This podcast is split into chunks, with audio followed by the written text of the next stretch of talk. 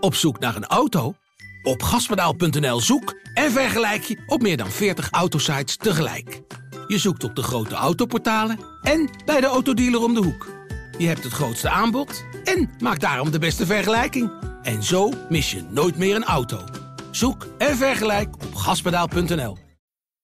Dit is een aanslag op onze rechtsstaat. Wiersum was de advocaat van Nabil B., kroongetuige in het liquidatieproces rondom topcrimineel Ridwan Taghi. Elke moord is heel erg, maar als deze moord te maken heeft met de verklaringen die zijn afgelegd door de kroongetuigen, is het nog erger. Welkom bij de Taghi-podcast van Het Parool. Mijn naam is Corrie Gerritsma en hiernaast me zitten misdaadverslaggevers Wouter Laumans en Paul Vugts. Welkom heren. Hoi. In deze laatste aflevering van uh, 2022 gaan we even terugkijken op het jaar en kijken we ook vooruit. Paul, met jou te beginnen. Wat vond jij de belangrijkste of indrukwekkendste gebeurtenis dit jaar? Dat was de gijzeling in de Apple Store aan het Leidseplein. En Begin van het jaar was dat, hè? Dat was 22 februari. En Wouter en ik waren toevallig bij de politie, waardoor we meteen hoorden dat het was. En meteen konden gas geven uh, daarheen. Waardoor we er ook vroeg waren toen ze het nog aan het afzetten waren. Toen jij arriveerde waren ze nog aan het schieten volgens mij. Ja, ik hoorde knallen. Wisten ze toen al wat er was? Of was het toen nog... On... Wisten jullie gelijk waar je heen ging? Of was nee. het gerucht alleen gijzeling, Apple Het is Store? gijzeling of overval, zoiets. Maar uh, rijden, rijden, rijden. En uh, toen uh, we daar aankwamen... Toen was het in het begin nog niet zo heel ruim afgezet. Maar al vrij snel uh, zag je dat het heel uh, erg werd opgeschaald, zoals het in politietermen heet. Mhm. Mm -hmm. Omdat uh, de dader, die uiteindelijk een 39-jarige Bulgaar onder schot hield, urenlang. maar die had een legeroutfit aan en een bomvest. Waarvan niet duidelijk was wat daar eventueel de lading van was. Dus men hield er wel rekening mee dat als dat zou ontploffen, dat het grote schade en ellende zou aanrichten. Dus je moest al vrij snel ver achteruit. Mhm. Mm -hmm. Dan doet zich op een moment de ongemakkelijke situatie voor dat je eigenlijk op straat minder ziet dan op social media. Omdat mensen van alles aan het posten zijn of zo. Maar het was super heftig, want er was een, een 27-jarige Amsterdamse Syriër, was de gijzelnemer. Uh, een bezorger van Albert Heijn notabene. Hij was in zijn Albert Heijn karretje gearriveerd. Mm -hmm. Waarvan men ook niet wist, zitten daar dan bommen in of zo.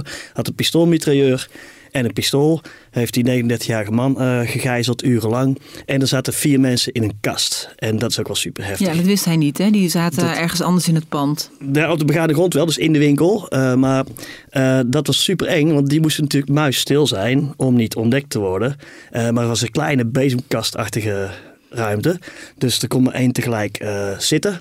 En uh, dan is het lang uh, van de vooravond, einde middag vooravond, tot aan laat in de avond. Uren, echt urenlang. Bijna vijf uur heeft het, heeft het geduurd. Ja, en dan zie je, wij staan dan aan die afzetting, dan zie je arrestatieteams en de grote Bearcat. Ik zal het nooit vergeten, dat is een enorme gepantserde, ja, vrachtwagenachtige auto. Die is mm -hmm. overal tegen bestand. Je ziet dat het heel Nederlandse uh, alle spullen uit heel Nederland worden aangerukt door de, de, de dienst speciale interventies. En dat ze dan proberen zo min mogelijk geweld te gebruiken. Nou ja, we weten denk ik allemaal nog wel hoe het afliep. Je zag op het Leidseplein die groene richtlichten van scherpschutterswapens. Ja. op enig moment gaan ze met een robotkarretje brengen ze water voor de gijzelnemer en zijn gijzelaar. Die gijzelnemer die gebruikt die gijzelaar als uh, menselijk schild. Uh, en geeft hem opdracht dat water te pakken. En ineens sprint hij weg, ja. uh, die gijzelnemer. En die gijzelaar, de gijzelaar sprint weg en de gijzelnemer erachteraan natuurlijk. En dan geeft een van de DSI-mensen in zo'n gepantserde auto, die geeft vol gas en bam, die rijdt. Dit konden we allemaal live volgen, toch? Was het niet live op min of min, nee, nee, dat hij was live op social live, media. Het was live sowieso, op onze parool.nl. Ja, het was waanzin. Ja. Ik, stond in de, ik stond in de Marnixstraat en ik weet gewoon dat je gewoon dacht van nou oké, okay, dan bij zo'n afzetting en daar heb ik wel eens vaker gestaan bij politieafzettingen. Mm -hmm. En op een gegeven moment zie, ik, zie je daar uh, van die politiemensen met hele grote machinegeweren uit hun auto stappen. Het, het was echt een beetje, het een beetje Amerikaans aan. Want die uh, agenten die rijden in hele snelle auto's. -hmm. Dus er, dan komt er zo'n, weet ik wel, een BMW 5-serie of een dikke Audi komt eraan en er stapt iemand uit en die gaat zichzelf, die doet zijn achterbak open uh, en die zet een helm op.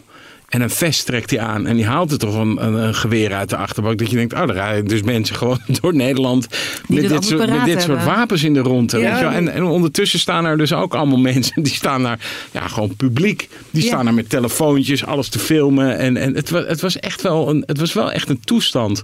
Ja. En die, wat, wat Paul net ook al vertelde, is dat je gewoon eigenlijk aan dat lint heb je heel weinig idee van wat speelt zich nou verderop uh, nou echt precies af, weet je wel. Dus je zit zelf ook, als Ja, je daar staat, ook op social media te kijken. En het, het, wat ik dan het ja, erger tussen aanhalingstekens vind, is ja, ik moest op een gegeven moment weg, want het is hartstikke bloedspannend. Maar er moet ook gewoon een stuk voor de krant geschreven Ja. worden. En ik moest dus op een gegeven moment naar de redactie ja. en mijn telefoon was leeg. En, dat was, eh, en toen hebben Paul en ik hadden even contact van, nou ja, wiens telefoon doet het niet meer? Die, die moet gaan. Dat was ik dus. En mijn vrouw is een nieuwe powerbank komen brengen en een bak eten. Ja. Ja. Eh, en ik zat dus op de redactie te, te, te kijken. En toen, toen weet ik nog dat we, volgens mij was die gijzeling net iets van minuten voordat de deadline er was. Dat klopt. Ja. Was die, was die afgelopen. Ja, en dat was was echt. Dat was, en dus ik had eigenlijk.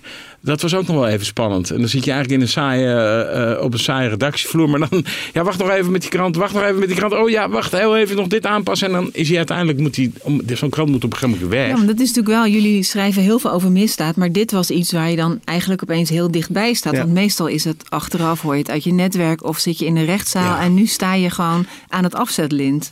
Maar op die dag maak je eigenlijk niet het verschil. Want Mhm. dan komt iedereen. Ja, Dat kwam de dag twee, want toen gingen, eh, dat was eigenlijk ook wel leuk. Dus de dag, of de leuk, het is een, het is, Spannend. laten we zo, Journalistiek leuk. Journalist- ja, eh, zo- zo- inderdaad. Eh, Workwise heel interessant. Want ja, dan wil je weten, wie is die Hoe gijzelnemer? dan het? En toen zijn eh, Paul en ik als een soort Jansen en Jansen door eh, Amsterdam eh aan gaan bellen. Bij wie ben je aangaan? Nou ja, we hadden... Niet helemaal ongericht hoor. Niet helemaal ongericht. We wisten twee straten waar, waar, waar, die, waar die gijzelnemer dan eh, zou wonen. Maar het exacte adres, dat wisten we niet. En, en op een gegeven moment toen... eh, dus ik was in de ene straat, Paul was in de andere straat. Paul had beet, die, die wist het. En je hebt toen, gewoon echt tientallen bellen. ja, dat was echt als een, als een, als een stel Jehovah getuigen de deuren langs. Weet Ja. je wel? haringkar. En, eh Ja. nou ja, we hadden wat Wouter altijd keepersgeluk noemt. Eh, uiteindelijk, want ik werd wel chagrijnig eerlijk gezegd. We waren al Ja, tweede helft van de middag. We hadden niks gevangen, weet je wel. Ik ben ook geen goede visser. Liepen daar niet toen ook allemaal andere Nee. journalisten aan te bellen? Nee, dus die nee. waren nog niet zo ver als jullie. Nee, dus Nee, we en we wisten waren- ook gewoon, we kunnen nu, we, je kan nu winnen, snap Ja. je? Ja, want ik denk niet dat veel mensen wisten welke straten ze moesten zijn. En we waren uiteindelijk in de Spaandammerstraat, die erg lang is, zoals Amsterdammers weten. Eh, en ik was daar bij de haringkraam, bij de eh bloemist, bij de sigarenboer en bij allemaal huizen geweest. Maar op een gegeven moment ging ik naar een cafeetje. ehm, de- om een bak koffie te halen ook. Maar, eh, en toen zaten ze daar al gezellig aan de wijn, vrij, nou ja, rond nu of drie 's middags. En toen, zei ik, toen vroeg ik weer, wat ik al, al dertig keer had gevraagd, van weet hier iemand iets van een arrestatieteam gisteren? Want dat moet ik erbij zeggen, we wisten dat er een inval was geweest In zijn huis in het ouderlijk huis van de eh, verdachte. Dader kunnen we zeggen. Ehm, en eh zei, ja joh, eh, nee, dat, eh, dat zie je twee deuren ver, of drie deuren verder. En eh, kijk, hier hebben we filmpjes. En ze lieten filmpjes zien. Ik zei, oh, kan je me dat even doorsturen? Ja hoor. Eh, mag ik dat eh, op parool.nl plaatsen? Ja hoor, geen punt. Nou, en toen zijn we in dat trappenhuis geweest en zo, bij de buren. Het mooiste Ja, was, het mooiste was dat er op een gegeven moment, toen kwamen dus wij staan daar. Eh, en ik krijg heel vaak het verwijt dat ik eruit zie als een eh smeris. Ik zal de voorvoegsels eh, zal ik niet erbij zeggen. Maar wij stonden daar dus met z'n tweeën. En ehm, toen kwamen er twee politieagenten kwamen uit dat huis. En die zeiden...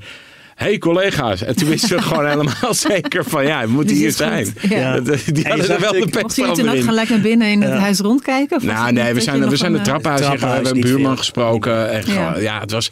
Ik bedoel, die, er was hebben wel wel iemand echt dood, zijn hè? identiteit ook eh Ja. daar kwamen we toen Ja. vrij snel achter. Eh, er was volgens mij gewoon een plaatje aan de deur eh, met eh, eh, de, de naam van de vader. Ja. Eh, en toen gingen we verder zoeken. En toen kwamen we, als je eenmaal een draadje hebt, Mhm. eh, dan, eh, dan Ja. kun je het wel verder ontrafelen. En, het, is, eh, het is natuurlijk, wat in natuurlijk deze zaak ook wel weer tekenend is, hè, ehm, is het is een verward iemand. Een, een ernstig verward iemand. Die is dus die gijzeling begonnen. Die was echt heel erg in de war. En wat wij natuurlijk wel vaak zien in ons werk ook, om even eh, op te stijgen boven de. Dat is natuurlijk een vrij. Ja, het was een grote kwestie, maar het is wel één kwestie. Maar het, is, het staat wel voor iets groters. En het staat natuurlijk voor het, eh, het toenemende aantal eh, incidenten met verwarde mensen. Hè, de, de GGZ, daar hebben we het hier ook wel eens vaker over gehad. Is natuurlijk eh, voor een groot deel is daar, eh, zijn daar bezuinigingen uh, in geweest. En er zijn gewoon verwarde mensen die soms enorm uit de, uit de bocht kunnen vliegen. Ja. En, en dit is ook weer zo'n zo'n geval waarbij ja, heel het land uh, stond op zijn achterste benen die, die dag. Omdat ja, één iemand die zo in de war is. Die en denkt, de dodelijke combinatie. Het uh, jeugdzorg voor een belangrijk deel wegbezuinigd. Uh, deze jongen was uiteindelijk 27, uh, dus nog niet heel lang uh, mm -hmm. volwassen. En de zorg voor voorwaarden zeer teruggeschroefd onder het bewind van onze langzittende premier. En ja, dan krijg je dit soort excessen. En wat je daar dan ziet, voor ons is dat natuurlijk niet meteen duidelijk, maar voor de politie is dat ook niet meteen duidelijk hoe het zit. Dus die kijken ook, is ergens wat zij noemen een second blast? Is ergens nog een tweede ontploffing? Is dit terreur? Ja. En, want bij terreur komen, komen incidenten vaak op verschillende plekken tegelijk. Um, en je ziet dat ze heel erg opschalen met wat ik zeg, heel veel materieel en zo, maar ze houden ook nog wel uh, achter de hand. En zij moeten ook zien uit te vogelen. Wat is dit? Die jongen heeft uiteindelijk blijkt Syrische uh, achtergrond voor een deel te hebben. Uh, dus denk je ook, oh, oh is dat ja, weer heeft een dat iets met red flag? te maken? Ja, en, en in die onzekerheid zitten zij ook. Alleen wij staan uiteindelijk steeds verder van de uh, plaatsdelict, zoals dat heet, af. Dus ik stond helemaal bij, uiteindelijk helemaal bij de Beversport, bij de, bij de overtoon, Ja. weet je wel. Nou, er waren ook collega's die waren het Amerikaan Hotel ingepiept. Ja. En daar had ik, wel de, had ik wel ook een beetje de pest over. in Dat Ja, ik niet zo je hem gis was geweest om daar, om, daar, ja. om daar ook eh, eh, zeg maar achter de gordijnen te gaan staan. Maar de- die, die tegenwoordigheid van geest heb ik dan toch niet gehad op dat moment. Dat, dat vond ik toch wel een minpuntje aan Eén mezelf. dingetje nog Nou. wat ik nog wil toevoegen, want dan moeten we ook weer naar een volgend onderwerp, denk ik. Maar Dat Eh, eh, bepaal ik wel, Paul, maar dat gaan we doen. Dat is goed. heel goed, mevrouw Eén Corrie. dingetje nog. Eh, maar op een moment krijgen we, weten we dat er tussen de, rond de 65 mensen nogal bovenverdiepingen zitten. Van het pand, van het Hirschgebouw. Ja. De hoek van de, het oude modehuis aan de, waar nu de Apple Store in zit. En allerlei kantoren. En wat doe je dan? Breng je dat? Mhm. Breng je dat niet? Hoe breng je dat? Eh, dus die? Hebben we nog dilemma's discussie over gehad? Ja, die dilemma's speelden doen? er ook nog doorheen. En uiteindelijk had ik via via contact met iemand daarboven. Eh, en die, die wilde me wel eh, spreken. Ik denk om afspraken te maken over breng het nog niet. Eh, Ja. Want zij worden natuurlijk gecoacht door onderhandelaars van de politie met wie ze in contact staan. Ehm, maar ik had bijna contact met diegene. En toen ineens was het afgelopen. Gingen zij, werden zij via een, achter ja. een nooduitgang weggeleid. Ja, dat was al voordat de gijzeling Ja, afgelopen dat was was. hè? beetje halverwege. Ja. En, en dan denk je journalistiek gezien, hè, jammer. Eh, maar natuurlijk ben je totaal mensen opgelucht voor die mensen ja. die daar... Want je weet niet wat die man, wat die, heeft hij een bom of niet? Hè? En wij wisten toen nog niet dat er nog En vier je weet ook mensen niet of hij alleen zaten. was misschien. Of wat er nog in het pand ligt. Nee, maar het is, het is hoe je het went ook, of keert een tragedie. Hè. Daar heeft hij een, een, een agent en dat is een held. Eh, Hands down, weet je wel, daar kan ik niks aan afdoen. Die heeft besloten, oké, ik ga, die, ga dat, de, met ook gevaar voor eigen leven die gijzelnemer eh, aanrijden. Die man is overleden. En je denkt toch van ja, het is toch eigenlijk eh, eh, een tragedie. Ja. Weet je wel. Eh, nou, hoe zeker interessant als je het en denkt, het is spannend een het ook allemaal is. man. En, Ja. ehm, Nee, maar het is een tragedie voor degene, de gijzelnemer die verwacht Ja. was en die het niet overleefd heeft. Voor die Bulgaar die al die uren In met een pistool op zijn hoofd eh, daar in doodsangst Mhm. heeft gezeten. De heldige, heldhaftige move heeft gemaakt om weg te rennen. Eh, dan de heldendaad, erkende heldendaad al. Want het is, iedereen is er inmiddels over eens dat die politieman het juist heeft gedaan. Ja. Door gas ik, te moet, voor- ik was vooral wel gefascineerd door, of als je bedenkt hoe impulsief of snel iemand dat tot acties is, Ja. is overgegaan. Dat noemen ze bij de politie actie-intelligentie. En daar is, is dit, dus, je kunt heel veel trainen. Mhm. Eh, en dit was een ervaren eh DSI'er, dienst speciale interventies, arrestatieteam eh, eh, lid. Ehm, maar hij heeft inmiddels ook wel een eh heldenspeld gekregen van burgemeester Femke Mhm. Halsema. Omdat hij, ja, dit is nou echt precies wat je moest doen. Want dat is natuurlijk meteen ook de vraag. Hè? Is dit, wauw, hij rijdt, het ziet Ja, er heel lelijk uit. Ja, je moet er toch niet aan eh, denken dat, ze, dat daar was gaan, eh, hè, als hij was gaan schieten, die gijzel, dan was daar, waren, die man werd, werd van alle kanten, kanten Ja. onder schot gehouden. Dan gaan er ook mogelijk eh, politiemensen schieten. En die kogels, die geweren waar ik het net over heb, dat zijn echt eh, flinke rakkers. Ja, zo'n kogel die niet doel treft, Mhm. die eh, fladdert zo door de hele Die stad ketst, heen. Ricocheert heet dat. Ja, die, dus als je daar op het Leidseplein gaat schieten, nou, daar Lekker omheen. Ja, dat is, nee, maar dat is levensgevaarlijk. Die, die kogels gaan overal dwars doorheen. Hè? Dus, dus eh, verderop heb je het Marriott Hotel, dan heb je de Dan Overtoom. was je als niet je blij even- dat je in het Amerikaan zou zitten. Nee, maar als je even daar goed gaat schieten, stevig. Mhm. hè, want dat was ook, hoor, dat zag je ook op sociale media. Waarom schieten ze hem niet neer? Nou, omdat als een kogel mist, die fladdert door de hele stad heen. Dat is één. En de man had een bomvest. Ja. En was het een echte bom. Straks laat jij de bom ontploffen door op, op zijn borst te schieten. Wat je normaal zou doen. Dus op zijn borst schieten, dat ging niet. En als iemand gaat rennen, iemand op zijn Ja, benen schieten. niet die gijzelaar nog dat lukt niet. natuurlijk. Of nee, en, en de, het protocol is: probeer de dader en het slachtoffer te scheiden. Nou, dat is nu op deze manier eh, gebeurd. Maar binnen de politie wordt dit als een heldendaad eh beschouwd. En ik, ik denk dat dat wel terecht is in dit geval. Wouter, heb jij ook zo'n moment dit jaar dat je denkt: dit was wel heel impactvol? Nou, ik, ik weet wel dat, en dat was afgelopen zomer, eh, dat toen Paul en ik het verhaal maakten over eh, eigenlijk Youssef Taghi, hè, de, de neef van Ridwan Taghi, die toegang eh, had tot de EBI. Waarin we ons eigenlijk in volle omvang begonnen te realiseren van jongens, die, die, die Youssef Taghi is vanaf maart 2021 eh, de EBI ingegaan. En pas vanaf juli 2021 is de overheid echt serieus ingegrijpen. En pas vanaf augustus echt afluisteren en september echt filmen. Ja, en als je dan een soort reconstructie maakt over wat eh, toenmalig minister Sander Dekker van rechtsbescherming heeft gedaan, wat de minister van Justitie destijds Fred, Grapp, Fred Grapperhaus eh, heeft gedaan. Als je dat dan zo allemaal in ogenschouw neemt, dan vond ik het met terugwerkende kracht wel eh, shocking dat je, denkt, je realiseert van er is maanden amper iets gedaan Met aan gespeeld. situatie. Echt Ja. met levens gespeeld. En, en ik vond dat vond ik wel een, eh, eh, ja, een soort vervelende aha-erlevenis. Kijk, het vak wat wij doen, misdaadjournalist, dat is meestal, eh, ja, zijn we toch, eh, handelen we in ellende, om het zo maar eens te zeggen. Maar ik vond, de, ik vond die gewaarwording vond ik heel heftig. En ik, ik, ik dacht ook van, nou, dat moet ook bijvoorbeeld een, een hele nare eh, constatering zijn voor de nabestaanden van bijvoorbeeld Peter R. de Vries. Ja, want de vraag die nog al, en we hebben het hier vaak besproken, die nog altijd boven de markt blijft hangen in die zaak, is die opdracht voor de moord op Peter R. de Vries, is die nou uit de EBI gekomen of niet? Ehm, en ik, ik had een tijd ijdele hoop dat we dit jaar misschien het antwoord op die vraag zouden krijgen. ja want de zaak loopt. Hè? De, vorige loopt, aflevering ja, hebben we het de over zaak gehad. loopt. En dat is dus nog iets wat, wat speelt. Maar ik vond dat, die realisatie. En ik vond met name ook dat eh, we, we bij de totstandkoming van het verhaal we ook gebeld. Bijvoorbeeld met de eh, deken van de Orde van Advocaten. Hè, want die kreeg vanuit eigenlijk Den Haag een beetje de zwarte piet. Van ja, die heeft eigenlijk niet ingegrepen. En toen dacht ik van, er is daar destijds zijn daar wel hele, nou ja, eigenlijk gewoon vieze spelletjes gespeeld om, om af te dekken, om verantwoordelijkheid af te schuiven. En eh, als ik daarover praat, word ik er zelfs al een beetje nijdig van. Mag ik daar een, eh, bij opmerken, want ik ben het volledig met, eh, eens met wat Wouter zegt. Daar wil ik wel bij opmerken dat er binnen het Openbaar Ministerie bijvoorbeeld allerlei mensen eh, zijn geweest die echt wel hebben Ja. gedaan wat ze konden en binnen de grenzen van wat ze mochten. Die hebben echt wel hun best gedaan om die, die open lijn te dichten en te kijken hoe dat strafvormelijk en strafrechtelijke kon en zo. Maar Den Haag is, heeft hier een hele nare rol gespeeld. Het is En, wel eh, ook meer, het wordt nu wel eh, steeds vaker komt in het nieuws ook vanuit Den Haag. Hè? Ook met die briefuitwisseling die Taghi zou hebben met eh Mohammed B. en zo. Alsof nu wel alle ogen daar in ieder geval op gericht zijn. Maar het, is wel even, het heeft even geduurd hè, voor we wakker zijn. Nee, dat snap ik. Je hebt En vaak gezegd dat de, de dingen langzaam gaan. Wat vond jij nou eigenlijk eh, als, eh, als ge- gewaardeerde presentatrice van deze show?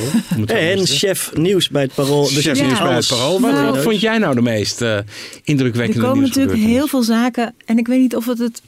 Ik denk niet dat het één moment is, maar ik denk wel vanuit mijn werk als chef nieuws, waarin ik veel verslaggevers op pad stuur en ook onze online eh, journalisten eh, begeleid.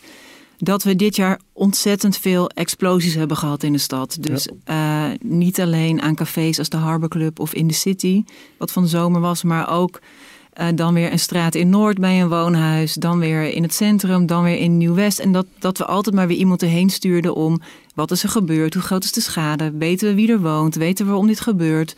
En dat er heel vaak bij die zaken ook niet gelijk een duidelijk antwoord is. Hè? Dus op een gegeven moment komen jullie ook in beeld om daar nog wat meer naar te kijken. Eh, dus dat was, ik had wel het idee dat deze zomer, en hebben we ook nog alle explosies van eh, geldautomaten, zitten daar ook nog bij, waar altijd maar weer mensen op Plus allerlei geweld door Amsterdammers gepleegd onder meer in bijvoorbeeld Antwerpen.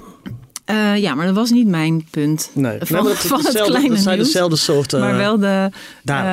ja, dus ik denk wel dat dat, dat een soort golf was die in ieder geval verslaggeverij heel, heel erg bezig hield. En het probleem daarbij is dat we Eh, de politie vindt uiteindelijk soms wel eh, degene die de granaat heeft gelegd of degene die geschoten heeft. Maar dat zijn natuurlijk de jongetjes, die jonge jongens, het laaghangend fruit.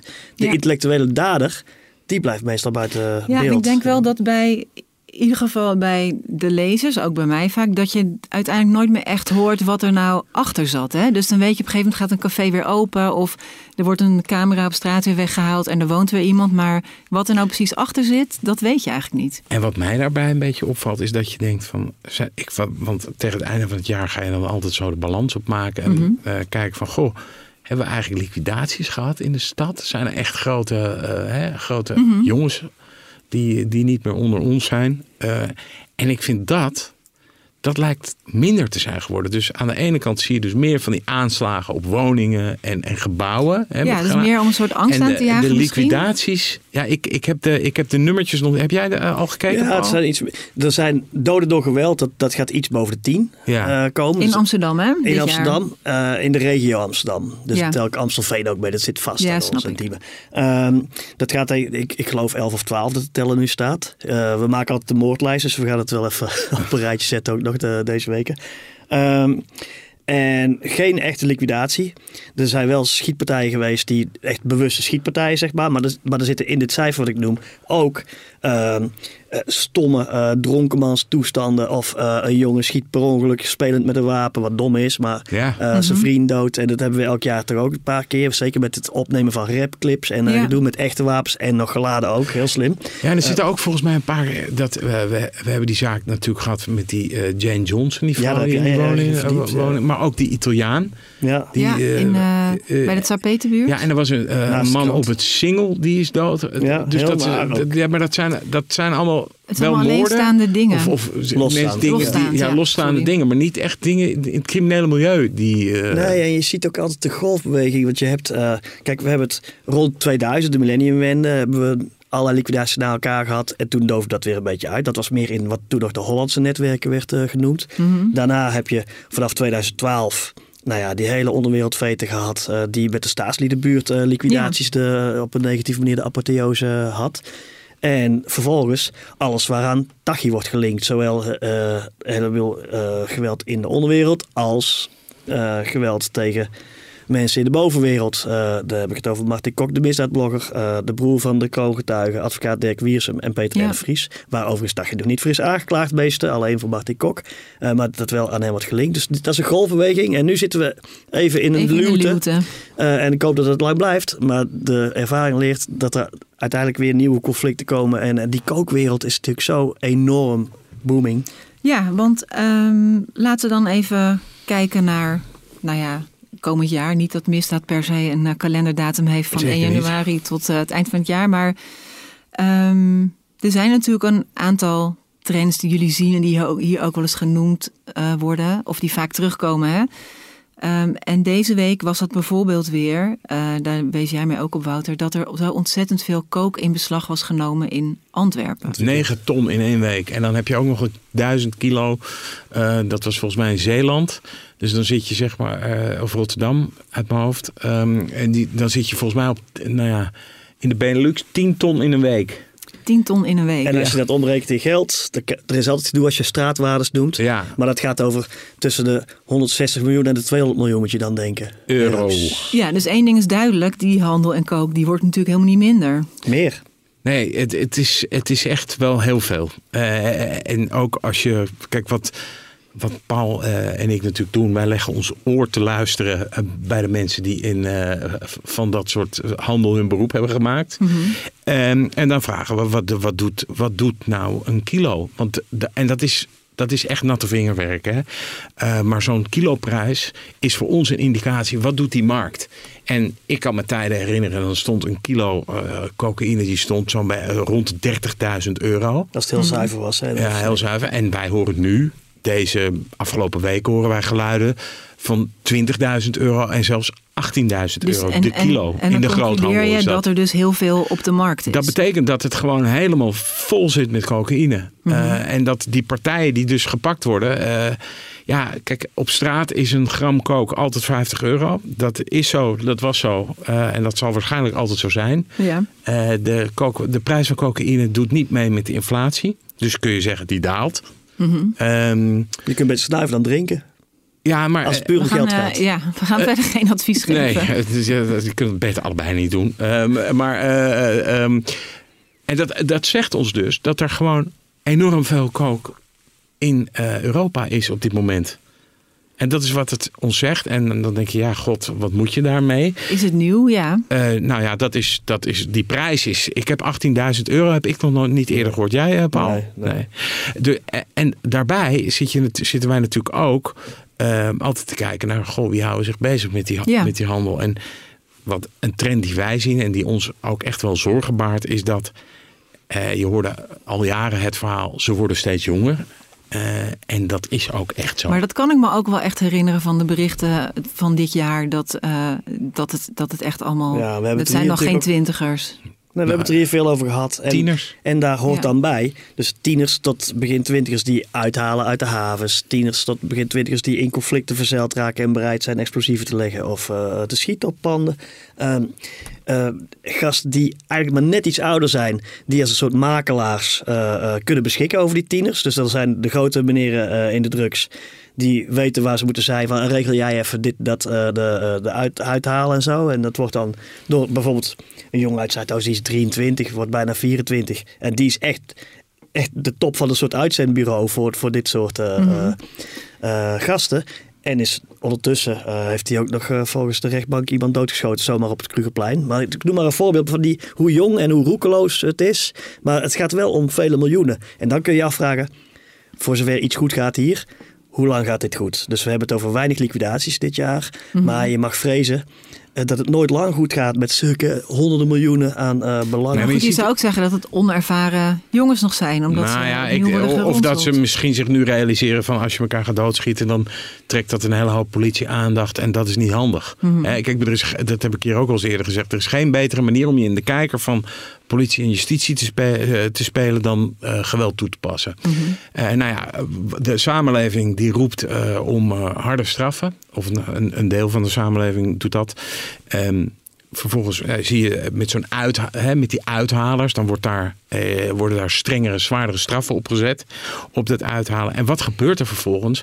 Is er gewoon knalharde marktwerking in die, in die onderwereld. Die speelt zich. Die jongens die uithalen, die zeggen: wacht eens even, je krijgt nu zwaardere straf als ik gepakt word. Je moet meer betalen. Met andere woorden, ze krijgen beter betaald voor hun Ja, het is werk. eigenlijk lucratiever geworden. Ja. Ja, dat is, en dat is zo'n raar onbedoeld neveneffect. Ik, Er zal geen beleidsmaker zijn die zegt: Oh, nou, dat, dat, dat, dat hadden we voor ogen. Dat die mensen eigenlijk ook eens fatsoenlijk betaald krijgen. Dat is natuurlijk niet waar. Maar je ziet dus dat, die, dat de, de overheid die worstelt met dit probleem. Die gaat eh, met veel tamtam een maatregel ehm, eh, of een, een- de wet aanpassen. En wat gebeurt er? Die straat past zich gelijk aan aan die nieuwe wet. Die zeggen: Ja, dan moet je meer betalen. Een van de aanpassingen was ook dat eh, voorheen, als jij als eh, jongen van 21 met een rugzak, een lege rugzak, midden in de Rotterdamse haven werd gepakt op een plek waar jij niks te zoeken had, kreeg je 95 euro eh, boete. Hetzelfde als wat jij en ik krijgen als we op de fiets zitten te bellen. Ja. Ja, dat is natuurlijk nu eh, vervangen door een, eh, een, een, een celstraf. Dat de overheid dacht, nou hebben we iets belachelijks hebben we bijgetrokken. Kijk, los van de vraag of je voor zware straffen bent. Maar als, als je met 35 euro aan boete wegkomt, Ja. daar lachen natuurlijk die organisaties om. Ja. Alleen, ja, dan wordt dat, dat soort maatregelen wordt genomen. Wat Wouter zegt, ja, vervolgens gaat de markt werken. En dus, dus gaan die uithalers meer geld eh, vragen. ja, waardoor het dus eigenlijk weer aantrekkelijker wordt. En er nog meer jongens zijn Ja, die dat Nou, wel dat willen is de, doen. en, dat, en dat is dus het hele probleem. En je hoort dus ook, eh, kijk, die, de overheid en dat, ehm, die doet zijn best. Laten we dat voorop stellen. Maar die overheid maakt zich er ook af en toe een beetje gemakkelijk vanaf. Die zegt ja, eh, de, de drugsgebruikers die zijn het probleem. En eh, de ondermijners, hè, de notarissen, de banken eh, en de, de foute advocaten, die zijn het probleem. En eigenlijk zijn er zoveel bewegende delen in dit hele probleem. Dus je hebt aan de ene kant heb je jongens die vaak uit achterstandswijken. We hebben laatst eh, hebben voor het parool een profiel, eh, een groot verhaal geschreven over tien jaar cocaïneoorlog eh, in, in Amsterdam. Ik zou het vooral nog eh, aan de luisteraar aanbevelen om dat nog even te lezen thuis. Ja. Eh, want het is een, een uitermate boeiend artikel. Dat zeg ik niet omdat ik het zelf heb geschreven. Maar je ziet dus dat. Dus, dus is tien jaar zijn we hier, zitten we hier nou eigenlijk middenin. Hè, in een soort nieuwe werkelijkheid. Waarbij mensen. eh, waarbij, waarbij die drugshandel eigenlijk geëxplodeerd is. dan heb je te maken ook met, als je gaat kijken naar de achtergrond van de mensen die zich in die wereld begeven. Dat zijn vrijwel allemaal zijn dat jongens die uit, ja, uit, van een achterstand komen. Die komen uit arme gezinnen. Die komen uit, die, dat is voor hun een manier. En daar kun je van alles van vinden en dat is allemaal tot je dienst. Maar dat is voor hun een manier om opwaarts mobiel te zijn. Om voor hun een manier om ook geld te verdienen. Ja. Daar moet je ook wat mee als overheid. Hè? Investeren in die wijken. Ja, daar moet je ook wat mee. Dus je kan wel zeggen, nee, we gaan het gewoon keihard aanpakken. En eh, we gaan een oorlog, eh, te- eh, een war on drugs gaan we beginnen. En eh, dat is allemaal hard, hard, hard, hard, hard. En aan de andere kant doe je niks. Waarbij dus die, die, die, die jongens, die geef je eigenlijk geen andere optie dan toch maar in die, in die wereld eh te Ja, het is te aantrekkelijk. Dus Ja. een- En je ziet in de grote steden nu, Amsterdam voorop ook wel, dat er echt wel plannen zijn, masterplannen Zuidoosten zijn, Ja. om echt duurzaam te investeren in die wijken. Alleen daar moeten we de revenue nog van eh, gaan zien. En een ander ding, eh, wat we ook dit jaar vaker hebben besproken, maar wat ik echt ook iets van dit jaar, eh, van 2022 vind, is dat eindelijk goed aan het licht eh, eh, komt hoe breed corruptie eh, is. Ja. Hoe wijdverbreid dat is. We hebben Ja. het hier veel over paspoorten gehad die gekloond werden. Er is, mede door de PGP-berichtgeving en zo die onderschept is, beter zicht op corruptie in de haven. eh, en zo. Maar het heeft eindelijk, we hebben wel moeten duwen en trekken met z'n allen hoor, als eh, journalistiek en sommige mensen in de politiek. Is er eindelijk ook meer aandacht voor dat. Want daar waar ondermijning, waar de overheid dat lekker naar aan het wijzen was, naar vastgoed, naar banken, naar... eh, Notarissen, wordt, ja. Eindelijk wordt er nu eens ook aan enige introspectie de- denk nou zelf, hè, dat, denk jij dat er ook maar één drugsbaas is die, nou, het waren twee partijen, dat zal ik, je- zal, zal ik dan Ja. geven.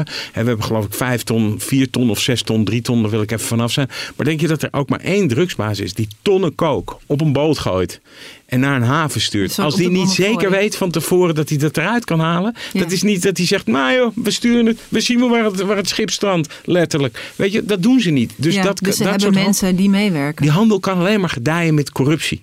En die, daar, daar moet je wat mee.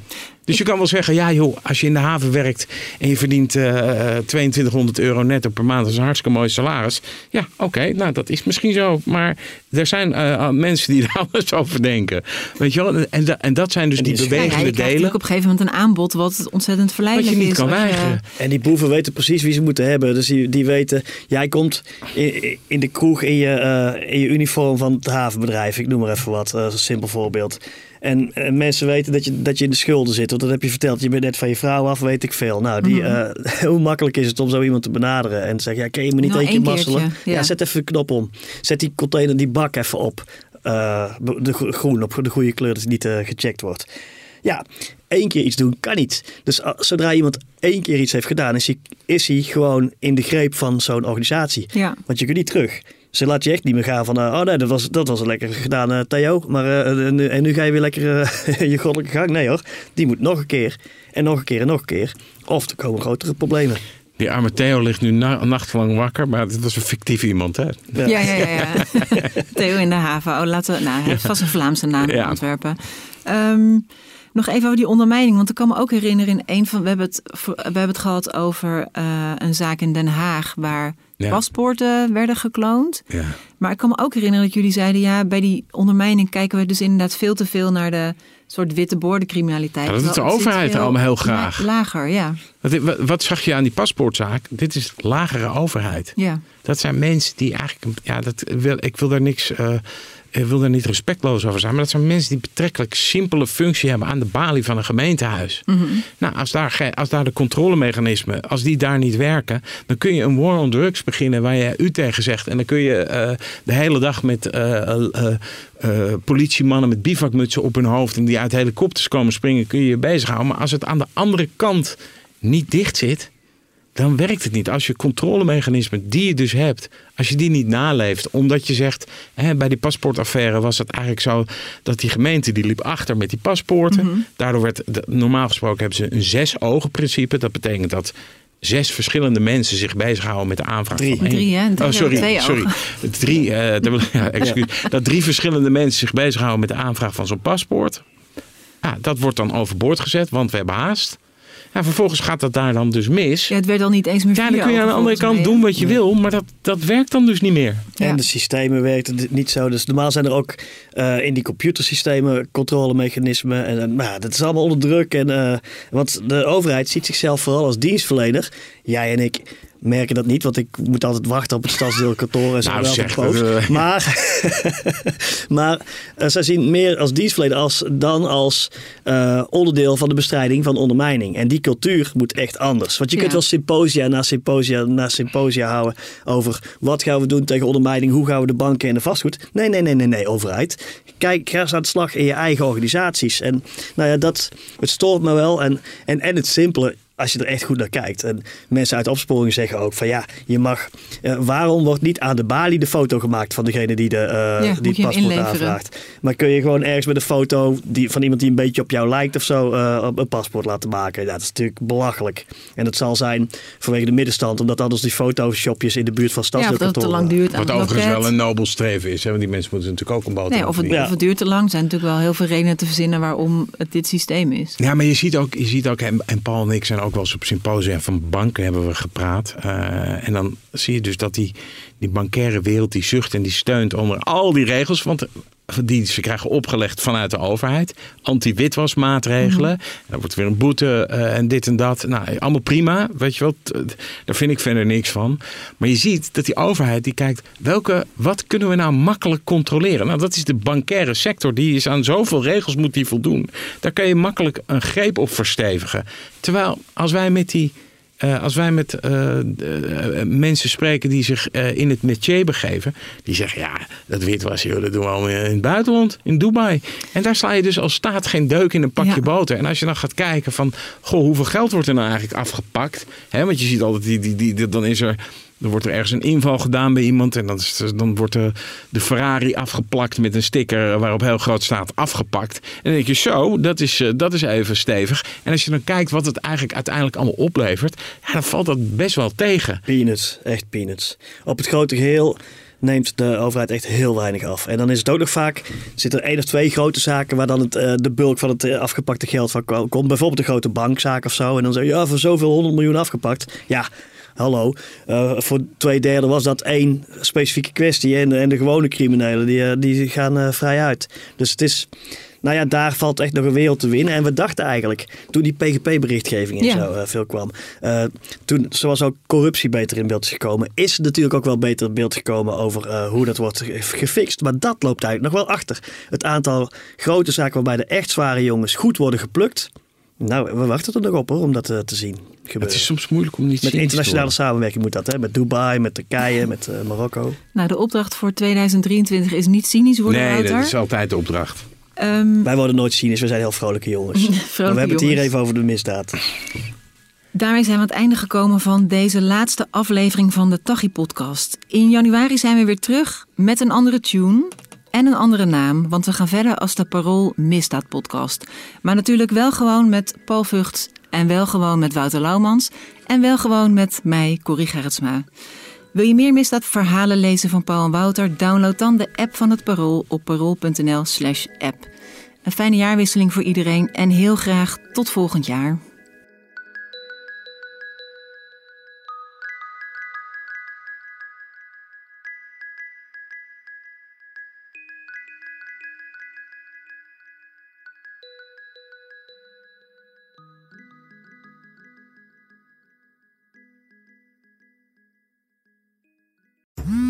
Worden dagelijks overladen met overbodige informatie. En het is moeilijk de zin van de onzin te scheiden. Daarom vertrouw ik op echte journalisten in plaats van meningen. Een krantenmens heeft het gemakkelijk. Word ook een krantenmens en lees je favoriete krant nu tot wel zes weken gratis. Ga snel naar krant.nl. Bezorging stopt automatisch en op deze actie zijn actievoorwaarden van toepassing. Op zoek naar een auto? Op gaspedaal.nl zoek en vergelijk je op meer dan 40 autosites tegelijk. Je zoekt op de grote autoportalen en bij de autodealer om de hoek. Je hebt het grootste aanbod en maakt daarom de beste vergelijking.